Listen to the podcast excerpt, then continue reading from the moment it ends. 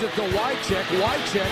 That looked like a forward pass. Madden is on the field. He wants to know if it's real. They said yes. Get your big butt out of here. Hello? You play to win the game. Hej och välkomna till ännu ett avsnitt av veckans NFL med Mattias Olsson och Lasse Thorman när vi spelar in här på en eh, tisdagkväll. Och Lasse, du sitter eh, i en lite unik miljö och spelar in idag kan man säga. Ja, jag tänkte att man kunde lura att man satt i någon sån här gammal eh, skotskt slott eller något med det här ekot. Men, men, men eh, så är det inte. Jag, jag är i mitt eh, gamla hus. Jag flyttade i, i helgen. Så att eh, bredband och, och, fiber och allt sånt har inte riktigt kommit på plats nya. Så att jag var ju klok nog att eh, låta min, eh, mitt abonnemang i gamla eh, ligga kvar här ett tag till. Så jag, så att det, det, jag är i ett tomt hus och, och eh, har staplat upp någon form av eh, inspelning här. Vi får, eh, ni får stå ut med lite eko. Det, det är, eh, jag tror inte jag kommer bättre undan så här än så här. Nej, det, jag tycker det låter ganska hyfsat, men eh, då vet ni varför om det ekar lite. Men det är intressant om det kommer förbi någon granne där och kikar in genom fönstret eller någonting och så ser de det Ja, eller de som ska flytta in här. Jag vet inte riktigt när de har tillträde. Så kommer de här med flyttlasset så får, vi ta en liten paus. Men, men eh, det är nog lugnt tror jag. Ja. eh, annars då, är det bra eller? Eh, ja, men det, det, tycker jag det är absolut. Hade lite problem att, att se NFL här i söndags med ett eh, inte så väl fungerande mobilbredband så, så blev det jag skulle se eh, ratta in där. Cleveland Houston tänkte jag skulle bli en riktig rysare. Eh, har ju sett i efterhand att det kanske inte riktigt blev men sluta med att, eller det började med att liksom det var väldigt pixlat. Sen började liksom bilden låsa sig och hoppa och sen blir det bara svart och ljud. Så då, då gav jag upp och sa att nej, jag, får, jag får se kapp det här imorgon på jobbet helt enkelt. Så jobbat lite mindre effektivt, eh, kollat ikapp lite NFL. Men det kan hända att jag är lite eh, mer bakom än vad jag brukar vara. Då, då vet ni i alla fall varför. Mm. Mm. Själv då? Du, du slapp dessa eh, simpla problem?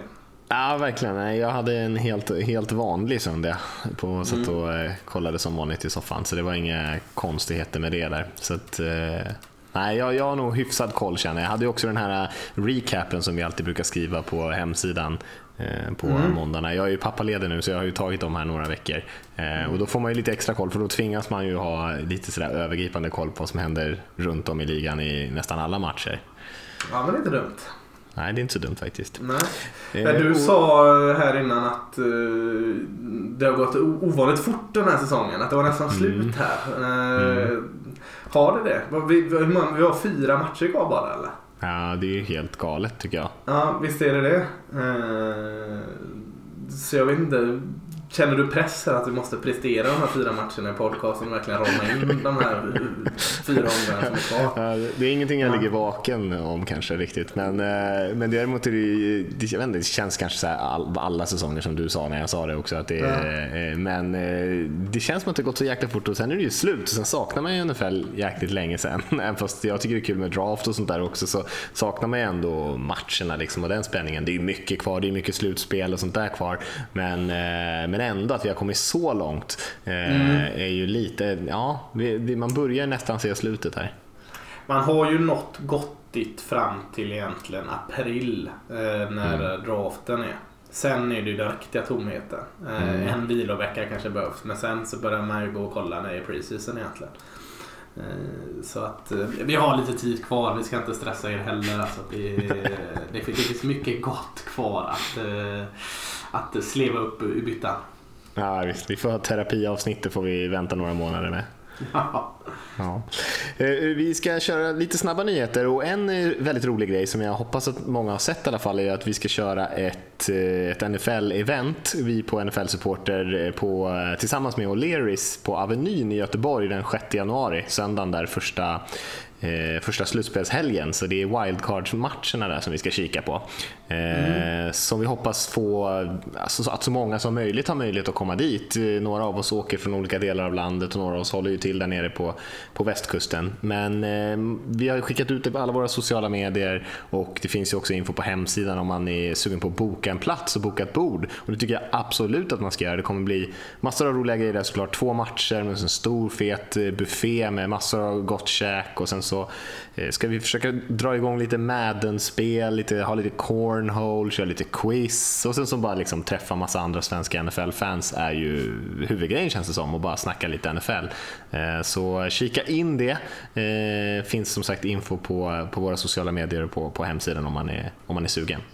Mm, det låter ju hur trevligt som helst detta och, och, och det här låter ju eh, så här klyschigt och kärvänligt men, men det är ju inte bara vi som är NFL-supportrar så att det, det, är ju, det är ju alla, alla som, som vi interagerar med och, och, och, pratar med och som lyssnar här så att det låter ju jättelöjligt att säga så men, men, men, så är det ju så att det är jättekul att få träffa alla liksom, som kommer och, och, prata och vissa har träffat säkerligen. Allt sånt. Bara förtydliga en sak att det finns mer gator i Göteborg än Avenyn. Eh, så att, eh, jag håller på att dra den här parallellen på Avenyn. Alltså det, det finns fler gator i Göteborg också. Så nu råkar bara det O'Learys ligga på Avenyn här. Eh, men, men, eh, om man skulle anmäla sig här nu då, då gör man enklast nflsupporter.se så finns det en länk där någonstans på en banner eller i en huvudnyhet eller vad gäller. Ja, det ligger lite nyheter där. Alltså, det, alltså, det, det enkla är väl egentligen att eh, det, det, som man kan läsa om där är ju läsa om själva eventet och sen hur man bokar. Och mm. Det är mm. egentligen bara att ringa mm. till eh, O'Learys Avenyn, Avenyn och säga att man ska på NFL-eventet den 6 januari och vill boka en plats. Och, eh, så kostar det 299 så ingår bufféer och allting sånt där. Eh, och och eh, så kan man också mejla. Jag tror att det är avenynatoleris.se som man mejlar till eh, om man vill eh, boka en plats den vägen. Så att man kan hitta all den här informationen på hemsidan och på våra sociala medier men annars kan man kontakta O'Learys direkt så, så vet de vad man är ute efter. Och jag, jag, vad jag har sett så är det rätt många som redan har bokat så vi kommer bli ett stort gäng. Vi vill ju fylla hela O'Learys på tre våningar om vi skulle kunna. Det skulle ju vara helt otroligt roligt. Så, så många som möjligt. Mm. Eh, priser och så, har vi det eller fixar ni det? Om, om ja, eh, nu eh, Kolle och Ada vinner quizet här, får, får de pris då? Självklart. För jag, jag vill stryka under att jag vann en fantasy en gång. Det är helt otroligt att jag vann en fantasy som är dålig på det. Men jag har fortfarande inte fått det här priset. Någon bok var det. Så jag går och kollar i brevlådan och suktar varje dag. Så, så vinner ni den, ni som kommer, vinner ni någon tävling här. Litade då liksom. på att Mattias säger att ja, ni får den i posten. Kommer aldrig hända. Så uh, gå som en igel på han där liksom, när han ska upp i, i baren och beställa en, en stor stark eller något. Så, så ligg på han där för att eh, det finns stor chans att prisen inte kommer. Och vinner ni ett, eh, en tävling så är det klart ni ska ha pris. Självklart. självklart. Ja. Jag, är lite följ. jag tror att vi har pratat om det här i podden förut. Vi har, jag, har ju ja, jag, jag vurmar bara om våra framtida gäster, där, alltså våra lyssnare. Jag, jag, jag, vill ju dem väl. Jag kan väl leva med att jag inte fått den här boken. Du ska få höra det såklart. Men våra gäster ska ju ha priserna såklart. Ja, givet, givet, mm. givet. Eh, men kika in det som sagt den 6 januari där på eh, O'Learys Avenyn. Och eh, vi har ju, hade ju en annan jättenyhet egentligen som kom den här helgen direkt efter första, eller 22 matcherna var slut tror jag va? När mm. Green Bay Packers hade förlorat mot Arizona Cardinals så kallade man, kallade man in Mike McCarthy, huvudtränaren i Packers, in på kontoret nästan direkt efter matchen och sparkade honom rakt upp och ner. Så nu är Green Bay Packers utan huvudtränare. Joe eh, Philbin går in som mm. interim, men eh, man kommer såklart leta efter en långsiktig lösning istället för McCarthy. Han har coachat lag i 13 säsonger, vunnit en Super Bowl, så han är inte helt utan framgångar där. Så en, en, en bomb ändå. De flesta trodde nog att det skulle hända, men kanske inte i anslutning till matchen och sådär fort, men eh, det gjorde det. Vilken energiboost att få in Joe Philbin, en ny röst i omklädningsrummet. Mm, verkligen. Mm. Jäklar. Nej, man gick och plockade upp tuggummina så här på planen efter spelarna i Hard Knocks. Det var fantastiskt. Ja, det var ju en fin grej. Men gud vad, vad tråkig Men, men 13 år med Mike McCarthy och alltså inget ont över honom. Han gjorde jättebra i Green Bay och, och, ibland är det så liksom att eh, man får ändra på någonting. Det betyder inte att Mike McCarthy är en dålig tränare för den delen. Alltså att ibland har saker sin gång och eh, det här är väl en sån sak. Liksom, att eh, det är dags för en ändring helt enkelt. Och det är helt rätt och Mike McCarthy ska ha all cred för det han har gjort i Green Bay såklart. Eh, men eh, det här mår nog alla gott av. Ja, Kanske inte. Mike McCarthy, men, men eh, resterande mår nog gott av det. Nej, kanske, kanske inte han. Men eh, han har gjort ett bra jobb skulle jag säga Ja. generellt. Minst, minst sagt ett bra jobb och eh, jag såg att det Eh, det är väl många som har varit ganska tuffa mot honom nu, eh, särskilt kanske bland Packers-fansen här på slutet. Och, eh, såg några som skrev att ah, det här skulle man ha gjort för länge sedan och, så här, och det håller jag absolut inte med om. Eh, det, man skulle inte ha gjort det här för länge sedan alls. Man, skulle, man gjorde det precis rätt tid tycker jag. Eh, han, eh, de hade en dålig säsong förra året och det var lite höga röster och de gav honom en chans att revanschera sig. Han lyckades inte med det i år och man sparkar honom egentligen efter när Packers missar slutspelet och säsongen är över. Jag tycker det var alldeles rimlig timing. Eh, annars har de ju varit relativt framgångsrika och åkt ut på en, ett, ett gäng tuffa eh, spel i slutspelet. Sånt där. Jag kommer ihåg Ja, de gick ju vidare på det enklaste spelet någonsin. När Mot Des Cowboys, Bryant ja. fångar bollen. Ja, herregud. De ska inte gnälla på att de åkte ut slumpligt i slutspel. Kom igen. Men jag kommer ihåg när de åkte ut mot Seahawks till exempel. Det var ju på en onside kick eh, när, eh, jag kommer inte ihåg vad han hette, tight-enden när skulle fånga. Alltså, ja, de, har de har i alla fall varit i slutspel väldigt, väldigt många gånger eh, och ändå haft en chans, att, men inte liksom kommit över sista pucken. Men det betyder inte att det har varit liksom katastrofala resultat på något sätt. Nej, verkligen inte. Verkligen har, du någon, eh, har du någon egen favorit där för nya coachen i Green Bay? Uh, boo. Eh, Nej, på pottarna. Ja, nej, nej, det har jag inte ens, eh, ens tänkt på än. Jag brukar ju vara eh, lite glad i idén med att ta upp en collegecoach. Det ger inte alltid riktigt eh, de resultaten som man tror. Men eh, så, så jag, jag biter lite i det och, och, och fegar ut och återkommer. Jag har, jag har ingen direkt offensiv eller defensiv koordinator som jag känner eh, klockren just nu heller. Så att nej, vad har du då? Nej, jag har nog ingen heller någon personlig favorit. Sådär. Vi, har ju, vi pratade ju lite coacher lite, i någon annan podd tror jag där, där vi hade några olika alternativ som vi pratade om. Men eh, ingen som känns mer eller mindre rätt för, för Packers. Men de får i alla fall en liten fördel av att de är först här ute och leta om man inte räknar med Browns då. Eh, och det är ju alltid en fördel. Men vi lär ju återkomma till olika coachkandidater och sånt där för det lär ju börja bubbla upp namn. Absolut. Vi hade ju en annan eh, en mindre kul nyhet kan man väl säga. Kareem Hunt eh, kom ju fram en video att, eh, där han var våldsam mot en, mot en kvinna. Det såg ut som att det var någon sen natt någon gång. Och sen så fick vi också veta att Ruben Foster återigen hade blivit anmäld för kvinnomisshandel mot sin flickvän. Samma tjej tror jag som han hade attackerat. Jag vet inte om han dömdes eller inte förra gången, men i alla fall blivit anmäld för att ha attackerat tidigare också. Så båda de här spelarna blev ju släppta av sina lag. Eh, Ruben Foster som är linebacker för 49ers, eller var linebacker för 49ers, Kareem Hunt som var running back för Kansas City Chiefs. Ja, det är inte så mycket att säga om detta. Alltså, det är oerhört beklagligt att detta sker så tätt som det gör. Eh, kring fotbollen, kring allt annat överhuvudtaget. Så att, eh, den biten behöver vi inte prata så mycket om. Det, det är nog alla eh, överens om att det är en skitig sak i samhället. Så eh, mer intressant då kanske att eh, båda de här eh, 49ers och Chiefs agerar så som de gör. Alltså att, Får den här ens gett Ruben Foster en, en chans att på något sätt liksom styra upp sitt liv. Nu får det vara nog, bort med dig. Eh, Hunt när, när Chiefs eh, då, om man förstår det rätt, får reda på detta, eh, väljer att bryta direkt. Eh, tycker jag är starkt.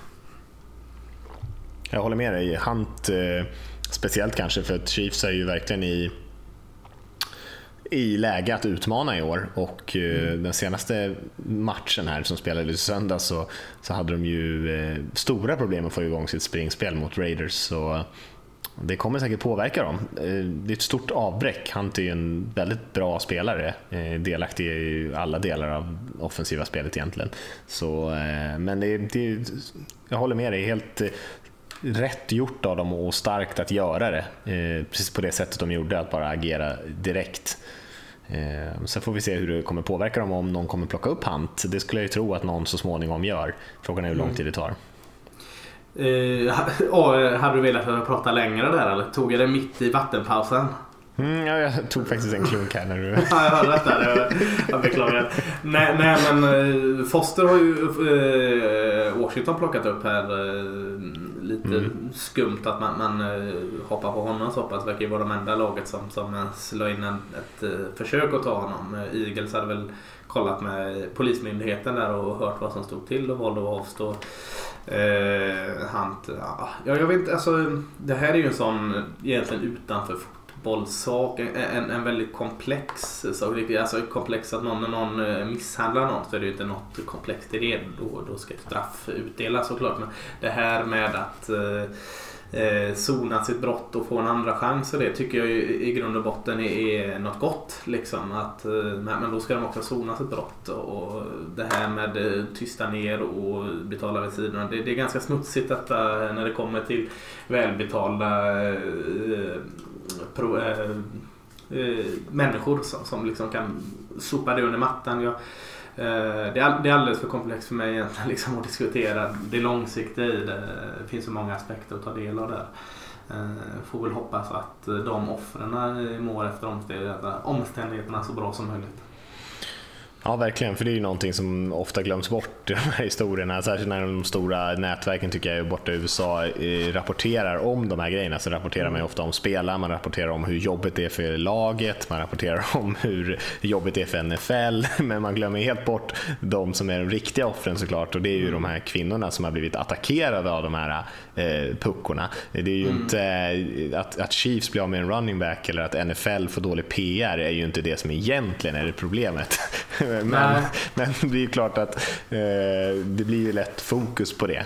Eh, för oss kanske eh, som pratar väldigt mycket om NFL men kanske framförallt mm. det, det, det stora amerikanska nätverksperspektivet där jag tycker att det är väldigt lite som det perspektivet rymts upp, lyfts upp, att eh, det faktiskt fanns en eh, människa där bakom någonstans som blev utsatt för någonting också. Eh, jag hade inga direkt mer nyheter än sådär. Det där var väl eh, egentligen det, de stora grejerna som hade hänt som inte är relaterade till skador och sådana andra grejer som är kopplade till matcherna. Ehm, mm. Så jag tänkte kanske att vi skulle hoppa in och säga någonting om eh, vecka 13 i NFL och vad som hände då. Jag vet inte vilka, du, du kan ju, vi kan ju börja säga någonting om torsdagsmatchen där Cowboys skrällde mot Saints och vann. Vi pratade faktiskt en del om den matchen inför den i förra veckans podd. Ehm, ja. Men en storartad insats där från Dallas. Ja, och jag var ju kors i taget eh, halvsäker på att Dallas faktiskt skulle vinna där de pratade mm. podden. Så för en gångs skull när man stack ut hakan så fick man inte en snytning.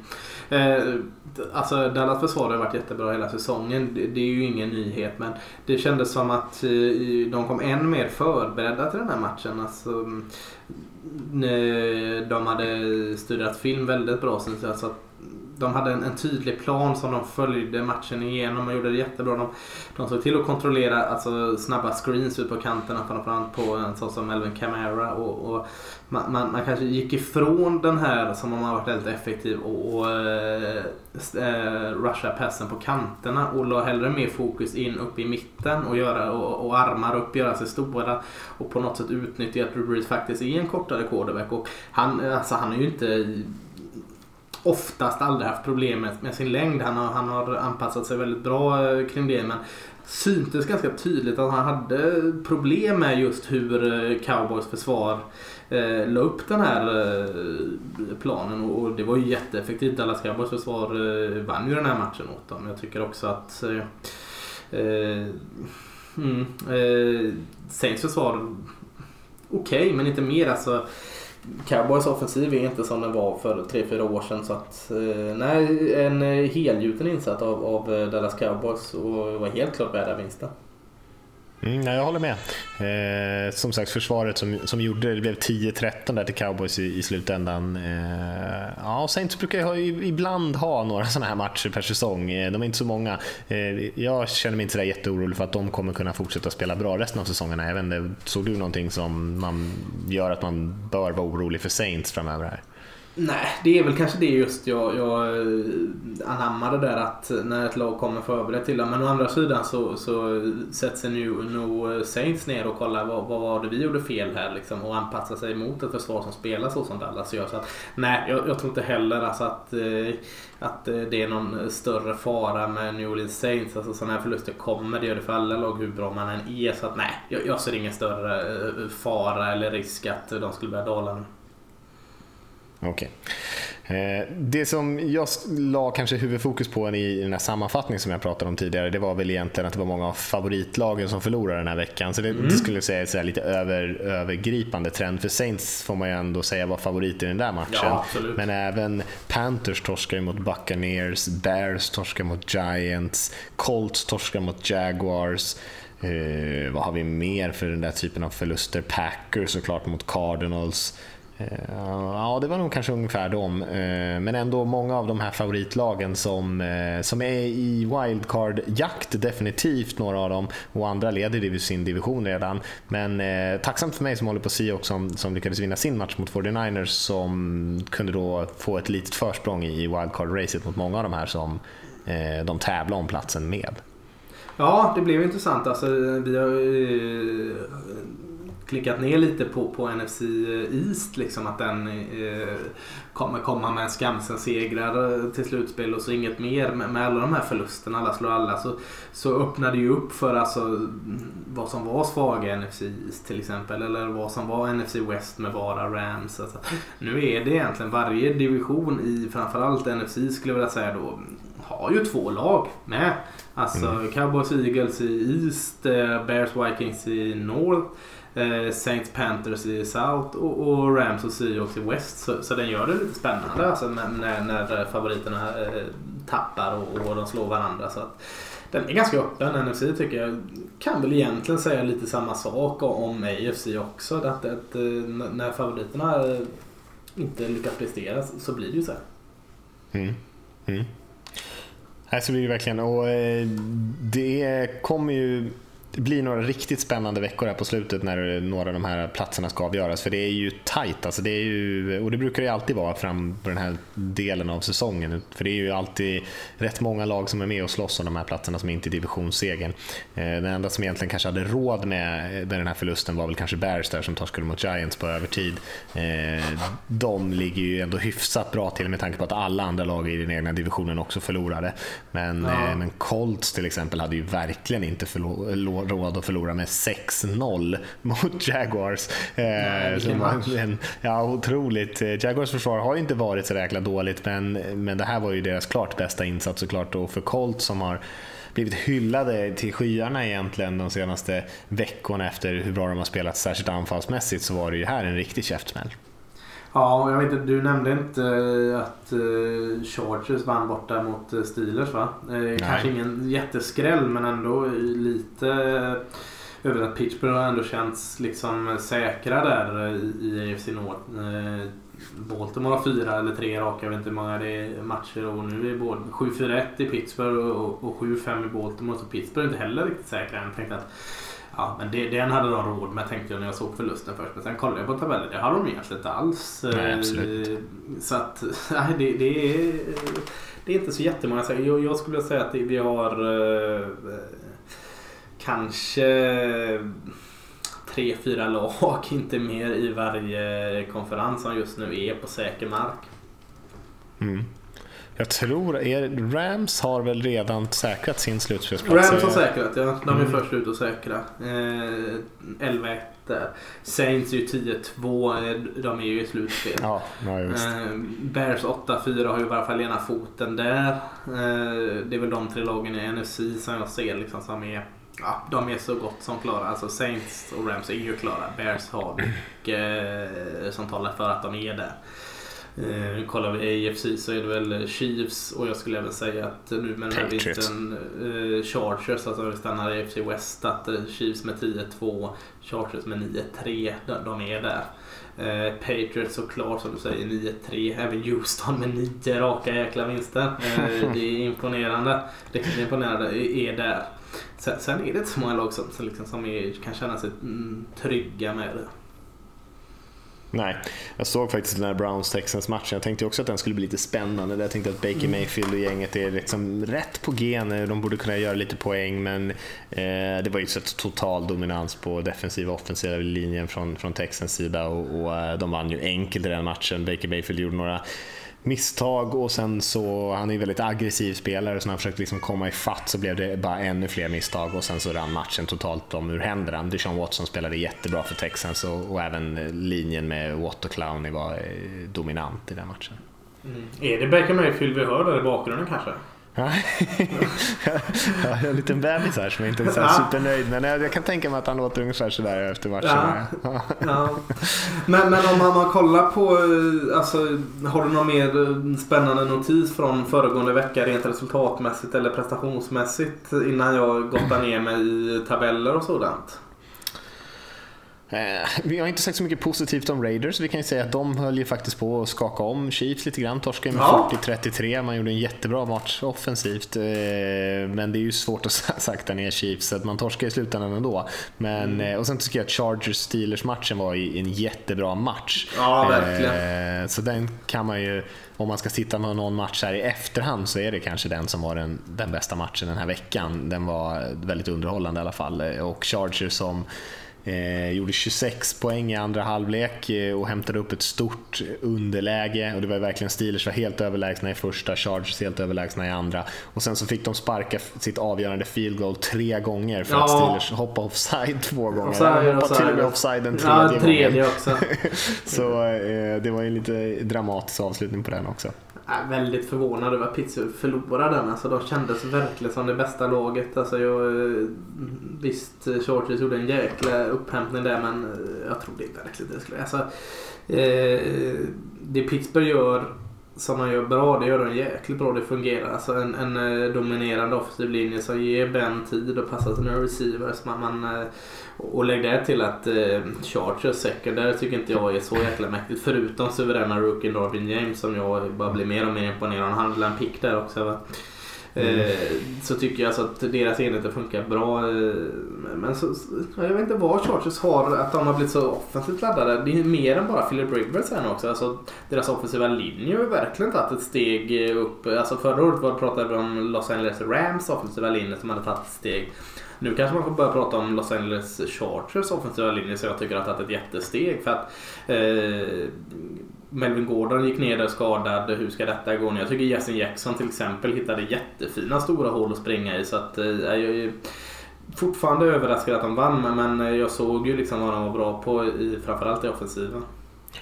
Ja, och Jackson var ju jätteviktig i slutet där på att verkligen mm. kunna döda matchen. Eh, mm. Det som Steelers kanske inte lyckades med. Jag tycker Big Ben, även fast han hade statistiskt sett en, en hyfsad dag sådär, eh, missade en hel del öppna passningar, bland annat en helt öppen touchdown i första ja. halvlek och kastade en förskräcklig interception igen tycker jag. Eh, han, han har ju han, han har väl alltid legat precis utanför de där liksom supertoppen av QB, så det är ju på grund av att han gör alldeles för mycket misstag. Så sen kastar han ju för 450 yards liksom varannan vecka eh, och liksom öser in touchdowns, men det är också väldigt mycket turnovers eh, han är ju den typen.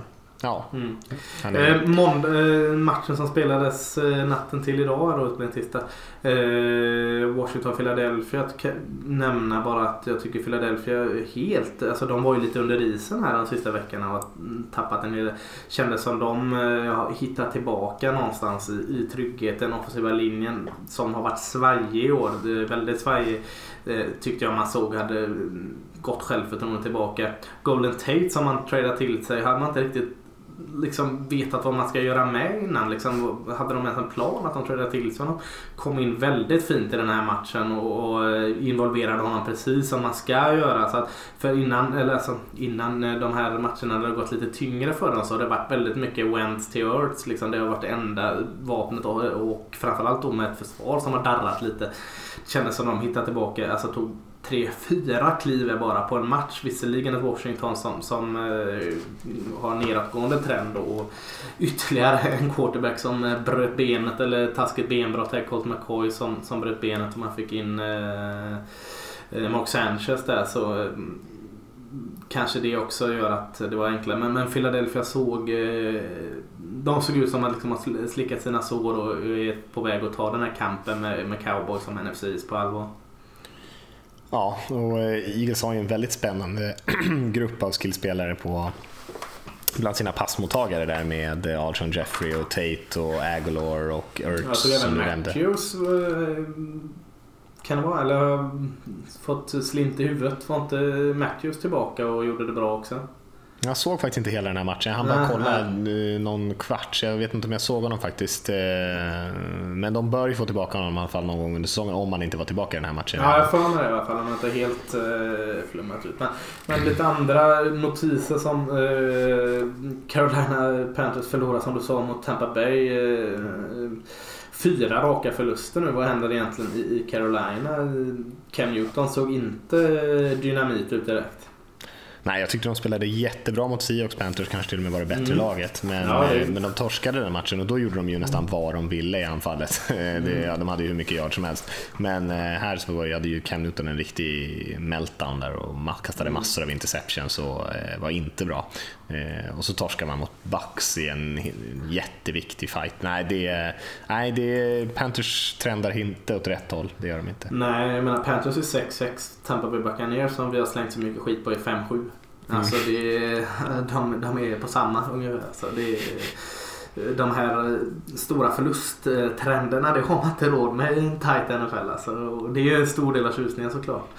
Eh, om man ska, man ska jag hörde en väldigt rolig statistik om Tampa Bay, jag inte om det fortfarande stämmer, men för någon vecka sedan i alla fall så, så hade de eh, de två quarterbacks som hade kastat mest interceptions i NFL den här säsongen, hade de båda i laget. Det var helt otroligt fantastiskt tycker jag. Det kan inte ha hänt någon gång tidigare, för då hade de både Fitzpatrick och Winston tror jag, båda var uppe på tvåsiffrigt antal interceptions, eh, trots att de liksom har delat på speltiden.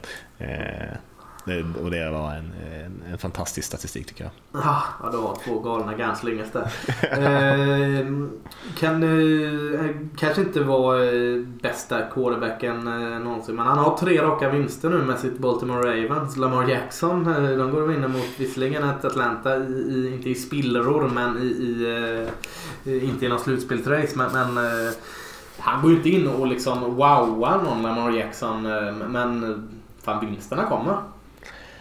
Ja, eh, nej jag håller verkligen med dig. Han, jag tycker inte att han har imponerat eh, när han har spelat. Kanske faktiskt, har, de, nu har Baltimore ett försvar ska, ska man lägga ja. till som är väldigt bra. Men, men eh, en rolig notis liksom. Att, eh, jag, tror, jag tror Falcons hade typ så 150, alltså under 200 yards i alla fall totalt på hela matchen mm. i anfallet. Så det, är, det är försvaret som vinner matcherna. Det är klart att Lamar Jackson han bidrar med någonting som är unikt, hans förmåga att springa bollen och sådär. Men eh, Eh, Eh, ja, han är inte redo att starta, så det skulle jag i alla fall säga. Sen får vi väl se nu, Flacco bör ju vara tillbaka och får se vem som startar. Det har ju sagts att de ska dela lite grann på, på snapsen.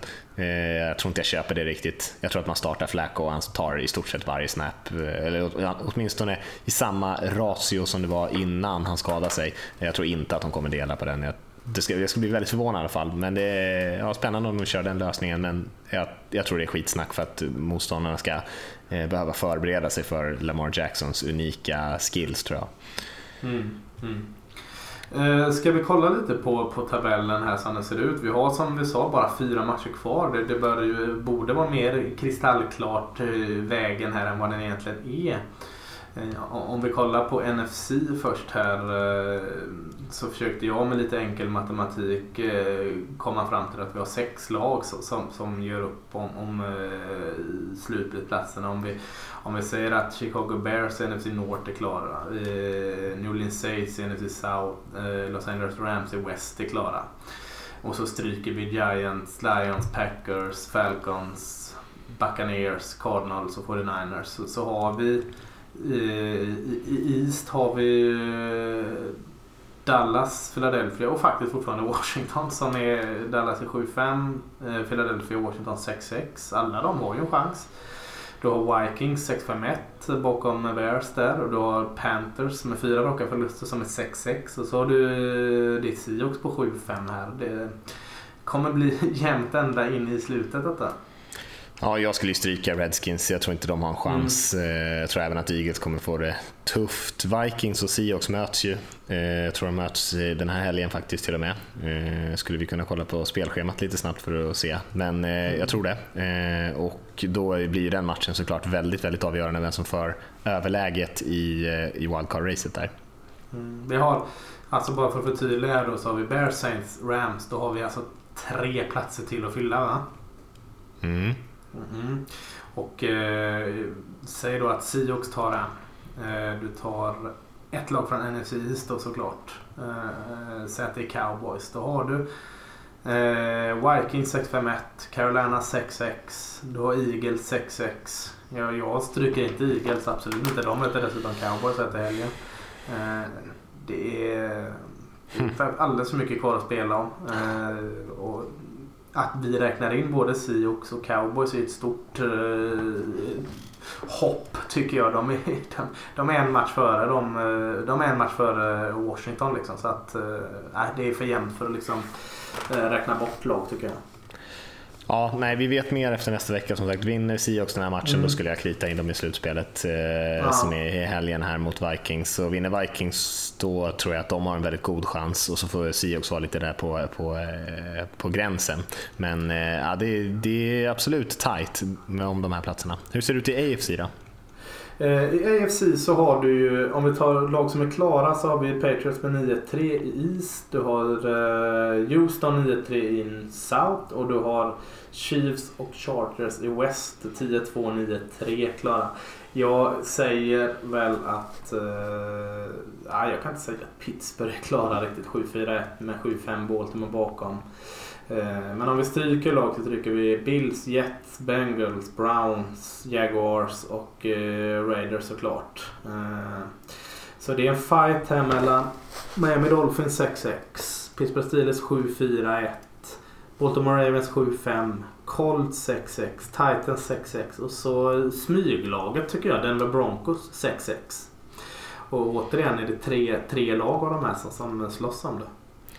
Ja, jag tycker den känns mer, mer självklar faktiskt i AFC. Mm. Alltså jag tror att eh, både Steelers och Ravens tar sig vidare. Och mm. eh, sen, sen är det ju liksom Chargers som blir det andra wildcard-laget och sen mm. de nuvarande divisionsledarna. Och att det inte blir någon av de andra som hänger på tyvärr. Jag tror inte att Dolphins kommer kunna hålla, hänga med hela vägen. Och annars är det väl egentligen bara Colts och Titans som utmanar och Titans tror jag inte. Colts kanske, Eh, ja, det, någon av dem kanske skulle kunna snika in där, men då ska de sno platsen från, från Ravens till exempel. Och, ja, jag tror att det kan bli svettigt att hänga med de där lagen i, i norra där. Jag tror att båda de kommer att avsluta rätt starkt. Du tror inte på Broncos och tre lag från AFC West? Nej, det gör jag inte. Säg att Chiefs och Chargers slår av takten lite här. Broncos har allt att spela. Jag har inte sett deras spelscheman, det skulle man ju behöva Nej, göra egentligen för att säga en sån här grej. Men jag mm. tänker mig att Broncos kommer möta de här bra lagen mm. i, i, slutet där. Eh, och då kanske åka på spö där och ha det ännu svettigare. Ja, möjligt. Ja, det, det är spännande. Eh, ska vi blicka fram vecka 14 då? Ja, men det tycker jag. Ja, eh, var, torsdagsmatchen eh, är ju en, en eh, en sista, en sista chans. Den är, låter inte så jättespännande. Jacksonville Jaguars mot Tennessee Titans. Men eh, ja, om Jaguars kan stänga ner Colts så kan de ju stänga ner Titans med. Känns det som. Eh, men Tennessee har fortfarande chansen. Men känns som ett typiskt 8-8-lag eh, Titans skulle jag säga. Så, och, Jacksonville, de har inget annat än Heden att spela för. Så känns ganska sval den matchen. Va? Verkligen. Jag tror Jaguars mm. mycket väl kan vinna. Det, ehm, ja, skulle, Texans lär väl sitta och heja på Jaguars i den här matchen i alla fall. För mm. då är de ju verkligen, verkligen klara om, om Titans torskar den här känns det som. Ehm, mm.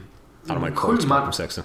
Ja, mm. Sju matcherna är, har vi en hel del gott tycker jag. Så om vi börjar med Carolina 6-6 åker till Cleveland 4-7-1 det är inte bara att åka till Cleveland längre och, och räkna in en vinst. Framförallt inte när man kommer med fyra raka förluster Nej. och Cam inte är kanske i sitt livsform. Eh, nu är han om någon som kan skaka av sig sådana saker. Men ja, eh, det här är ju på något sätt Carolinas sista chans att hänga på det här racet också. Går man 6-7 där så, och fem raka förluster då, då är det jäkligt svettigt alltså. Mm. Eh, mycket press på McCaffrey och Carolinas försvarare. ja, men Caffrey fortsätter ju ösa in yards. Eh, nej, men jag tycker mm. den är kul. Eh, jag tror kanske inte att den får sådär jättemycket med själva slutspelsracet att göra. Panthers måste ju vinna den här matchen såklart, eh, men även om de gör det så har de en lite uppförsbacke. Men mm. jag tycker det är en annan match som är lite sneaky intressant är ju Patriots-Dolphins tycker jag. Patriots de har ju redan kritat in i slutspelet och jag tror att de kan vara riktigt giftiga på en, ännu en Super Bowl dessutom. Men för Dolphins är den här matchen extremt viktig. De är i mm. racet ändå, även fast vi inte vill ta dem på allvar. Det är, det är många som är... Jag tar alltid Dolphins på allvar. Tar du jag? Största, är ju den Just största det, du är, Dolphins du är det enda Dolphins-fanet som finns förutom, förutom Dolphins-fansen själva, jag på att säga. Nej, nej. Eh, men de får mycket skit oftast. Och, eh, men de får faktiskt 6-6 och har all möjlighet att eh, luras in i slutspelet. Men då måste de ju vinna och varför inte på hemmaplan mot Patriots? Mm. Jag hörde viss skeptiskt med mina två matcher jag levererade till det innan. Kan jag övertyga dig med mm. Baltimore Ravens starka försvar mot Kansas City Chiefs starka offensiv då? Ja, men riktigt spännande tycker jag. Den tycker jag är riktigt spännande. Kan, kan, man sakta ner Chiefs? Är det ens möjligt? Det är liksom en fråga man kan ställa sig. Och eh, är det något lag som ska göra det i år så är det ju Ravens som har haft det klart bästa försvaret tycker jag. Möjligtvis med lite konkurrens av Bears. Men, eh, men jag skulle nog ändå säga att Ravens har varit snäppet vassare än Bears till och med. Bears har ju eh, varit lite mer opportunistiska kanske än Ravens. Mm. Men båda är väldigt bra. Men eh, jag skulle sätta Ravens nummer ett ändå och då får vi se om, om inte ens de kan sakta ner Chiefs, då, då kommer det bli svettigt för många av de andra lagen. Ja, finns det någon, eh, någon oro eller storm eller turbulens kring det här med Karim Hunt i Kansas City? Det är ändå en viktig del i deras mm. offensiv som inte är där längre. Eh, mm. visst, de, har, de kan plugga in vad Spencer Ware som är nästa man upp där. Ingen dålig running back alls. Men, men kan det ställa till det lite? Jag tror på en skräll. Jag tror Baltimore vinner eh, mm. i eh, Kansas City mot Kansas City Chiefs. Det skulle vara en riktig skräll och jag, jag tror jag ser den här. Mm. Ja, det är spännande. Jag, jag, tycker inte att det är omöjligt. Jag, jag, tror inte att det kommer hända, men det är absolut inte omöjligt. Mm, fan, nu känner jag press att leverera. Det är svårt att leverera en bättre än här. Men vad säger du om eh, 6-6 Colts inom divisionen? Åker och möter 9-3 Houston. Mm. Eh, divisionsmatch. Colts. Kan de sätta stopp på det här Houston som av någon anledning eh, kan få sin tionde raka vinst mm. Vad är det som gör Houston så jäkla bra just nu? Han är bra på linjerna skulle jag säga. Den offensiva ja. linjen är bättre än vad den har varit på länge. Eh, och den defensiva linjen vet vi ju vad det finns för kvaliteter. Mm. Så det är där man är riktigt bra. Eh, jag tror att Colts kan vinna den här matchen. Eh, om du säger att Ravens skräller mot Chiefs så säger jag att Colts skräller mot Texans här. Eh, så har vi lite borta skrällar att snacka om och, och avsluta den här winning streaken som de har. Jag tycker du mjukstartar lite grann med lite så här halvljumma matcher tycker jag. Så avslutar med de två starkaste 19 matcherna. För den här känns mm. också väldigt, väldigt intressant. Colts är ändå ett lag som är väldigt underhållande och som man kan ta på stort allvar. De har tyvärr lite skador nu utspridda lite grann över truppen, vilket är lite synd att ha tagit tagit bort lite av, de har inte, hade ju inte en jättestark trupp innan så när man tappar några av de här som har varit med och bidragit då eh, Ja, då blir det ännu jobbigare kanske. Jag vet inte exakt status på Jack Doyle och några av de andra spelarna, men, eh, eh, men man behöver ju allt man har. Och, eh, ja, men Texans är ju stekheta, men eh, någon gång måste det ta slut. Mm. Har du någon min 19-match du vi ska ringa in innan vi går över till eh, den matchen jag ser fram emot? Mm, nej, jag tycker inte det. Det kan ju vara kul Nej. att se hur Packers ser ut utan McCarthy, men ja, inte så mycket va? Nej, det är det inte tycker jag inte. 22-25, uh, Eagles mot Cowboys. Mm. Uh, I uh, Dallas. Cowboys var ju i Philadelphia för ett par veckor sedan och uh, skrällvann. Då skrällvann man. Då var Dallas riktigt skakiga. nu känns det som två lag med, med bra självförtroende. Jag tyckte mig se alltså, Eagles med bra självförtroende här nu mot Washington. Eh, revanschsugna Eagles. Dallas eh, kanske är jag som är så här skeptisk men de känns alltid som sämst och, och när, när de är favoriter och, och, när de känner sig lite trygga sådär.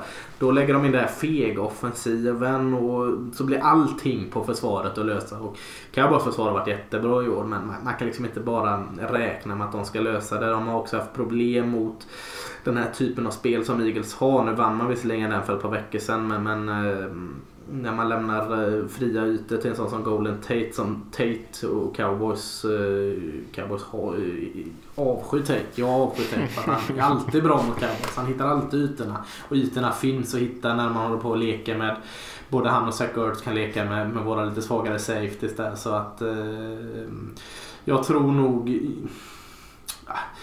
Det är verkligen en 50-50 match. Alltså, Dallas bör väl kanske vara favorit på pappret. Jag är inte så eh, såld på att eh, det kommer en reaktion efter den här vinsten mot Saints. Mm. Ja, det är ju en väldigt viktig match såklart. Det är ju en, mm. om eh, NFC East-toppen som möts här och ja. eh, Cowboys har ju redan ledningen och kan ju ytterligare koppla greppet här. För Eagles är det ju ännu viktigare om man vill hänga med.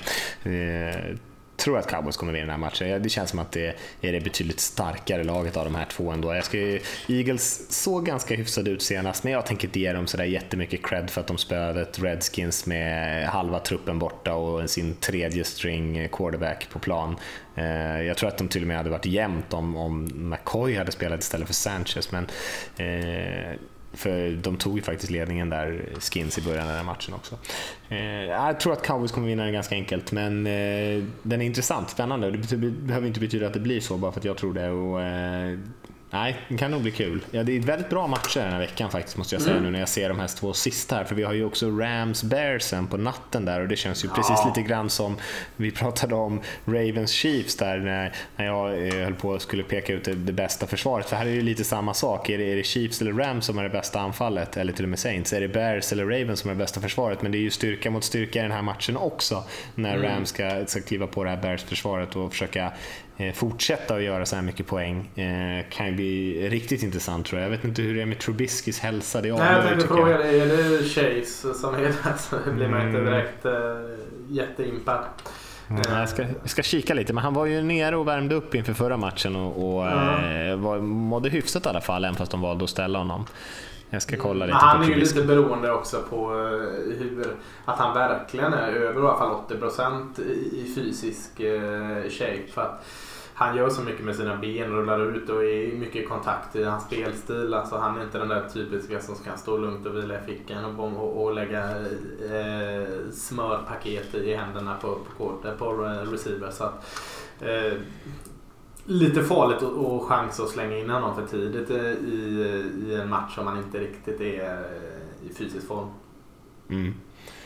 Ja, det var inga tydliga besked än så länge kring hans hälsa i alla fall, men det, det verkade som att han var i stort sett redo att spela förra veckan, mm. men man valde att vara lite försiktig som du säger. Så att då borde han ju kunna spela den här, men man vet ju aldrig riktigt. Det är ju en axelskada och sånt där med QBS, det är ju känsligt. Eh, då tappar han lite stjärnglans som inte han är med tycker jag, eh, även fast han som du säger är kanske inte eh, en dominant quarterback på det sättet, men han är ju betydligt roligare att se än, än Daniels.